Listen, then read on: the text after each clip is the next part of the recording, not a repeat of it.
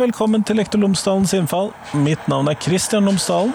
Det er søndag, og jeg har en liten ekstra monolog eh, å tilby dere i dag på podkasten.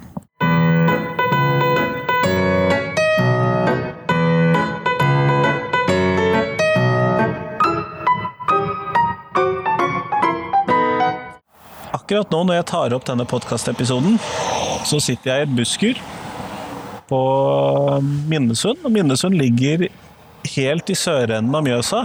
Og Minnesund er nok egentlig mest kjent for å være et sted hvor man krysser over elven for å komme seg til den andre siden for å kjøre videre. Det er rett og slett mest kjent for å være en bru. Jeg er på Minnesund i dag fordi at jeg selger den leiligheten jeg har vært eh, medeier i de siste ni årene. Eh, jeg har ikke bodd der de siste åtte årene, men eh, den har vært utleid i mellomtiden. Så nå har jeg solgt den. Og det har vekket en viss form for nostalgi eller tankegang om hvordan jeg selv endte opp med å bli lærer. Det var nemlig her på Minnesund at jeg første gang prøvde meg som lærer. Flyttet hit, halvstudert røver, gjorde ferdig bachelorgraden min eh, i statsvitenskap fra NTNU, men visste ikke helt hva jeg hadde lyst til å jobbe med, og hva jeg hadde lyst til å bli. Eh, jeg tok meg eh, noen kortere vikariater, dvs. Si tre uker, fire uker, på de lokale skolene her, hvor jeg først testet meg selv ut i, på barneskolen, eh, og så testet ut hvordan det var å jobbe på ungdomsskolen etterpå, når det første vikariatet mitt var ferdig. Her oppdaget jeg virkelig hvor mye jeg elsker å stå i klasserommet, hvor mye jeg elsker å være med elever, snakke med elever, lære bort ting, diskutere og reflektere med elevene. Sånn at lysten til det å bli lærer ble vekket her på Minnesund. Eh, og det kjenner jeg en dyp takknemlighet over når jeg er her. Eh, og når jeg titter over langt i det fjerne, over brua, så ser jeg den skolen jeg jobbet på når jeg, først, eh, når jeg tok det første vikariatet.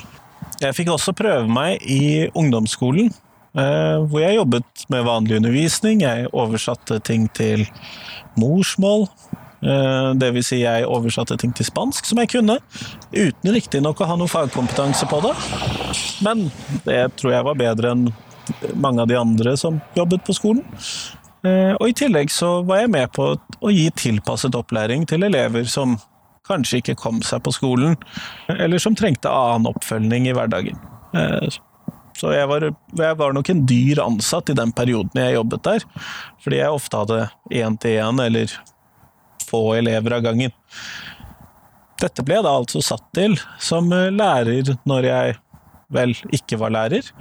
Eh, det var før jeg Jeg var så vidt ute av ferdig med bachelorgraden min, eh, og hadde ennå ikke begynt på verken master eller PPU.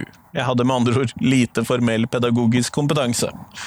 Jeg kan med andre ord heller ikke skryte på meg å ha gjort en veldig god jobb, det vet jeg egentlig ikke om jeg gjorde.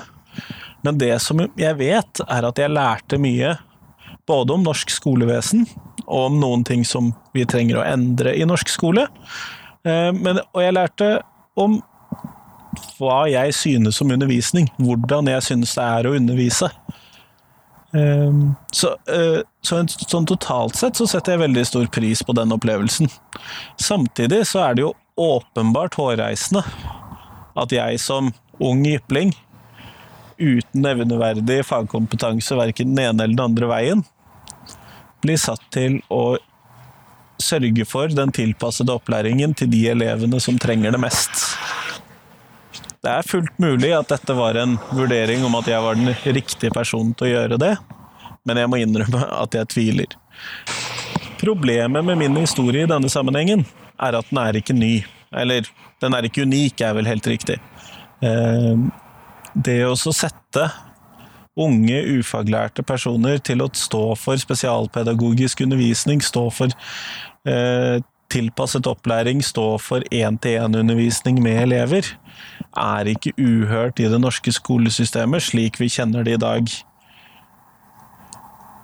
Og det er dypt problematisk, for det er nettopp de elevene som trenger den undervisningen, som trenger den spesialtilpasningen, som trenger det spesialpedagogiske tilretteleggingen, som trenger å få de beste lærerne, som trenger å få lærere med fagkompetanse i nettopp det å gi tilpasset opplæring til de elevene det gjelder, eller til og med til å gi spesialundervisning til de elevene det gjelder. Det kunne jeg åpenbart ikke gi disse elevene. Det er selvfølgelig mulig at jeg som ung mann på nesten 25 år, og som da var åpenbart en av de yngste i staben på disse skolene der og da, kanskje matchet noen av disse som holdt på å falle ut, bedre enn mange av de lærerne de ellers hadde prøvd å ha. Og det er mulig. Det vet jeg ikke, for jeg må innrømme at jeg visste jo ikke hvordan disse elevene reagerte på de andre lærerne. Det jeg vet, er i hvert fall at uh, dette ga meg lyst til å fortsette å være lærer.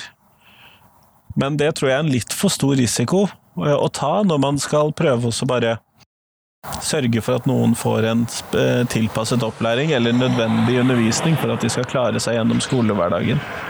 Det kan ikke være sånn at vi har en skole hvor vi setter unge ufaglærte, unge mennesker uten pedagogisk opplæring eller pedagogisk trening, til å ta seg av nettopp de elevene som trenger undervisningen mest. Når det er sagt, når jeg da har klaget over eh, at jeg ble satt til dette pga. elevenes syn, så er jeg dypt takknemlig for det i ettertid, fordi at jeg da fikk muligheten til å teste meg selv som lærer. Jeg fikk prøvd varierte former for undervisning. Jeg fikk prøvd Jeg fikk sett en del av skolehverdagen jeg aldri hadde opplevd, som relativt skoleflink selv. Og det er jeg dypt takknemlig over, fordi at det gir en innsikt jeg nok antagelig ikke ville hatt ellers, og som jeg tror gjør meg til en bedre lærer i dag at jeg i større grad ser de potensielle utfordringene som jeg kanskje ellers ikke ville sett. Det er allikevel tydelig for meg at vi som skole, som skolevesen, trenger å rydde opp i dette.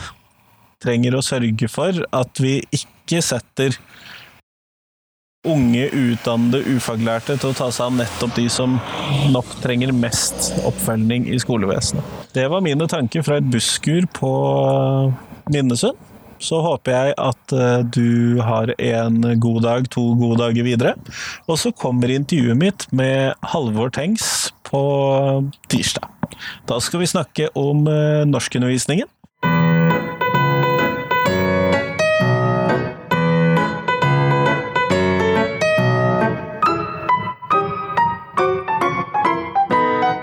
Vi skal snakke om hvordan sørge for at elevenes arbeider ikke bare blir liggende i en skuff. Vi skal rett og slett snakke om hvordan elevene kan være forleggere, hvordan elevene kan være journalister og andre den typen prosjekter. Vi skal også snakke om masteroppgaven til Halvor Tengs, eh, som er et ganske spennende prosjekt. Men inntil da, ha en god dag videre. Hei, hei.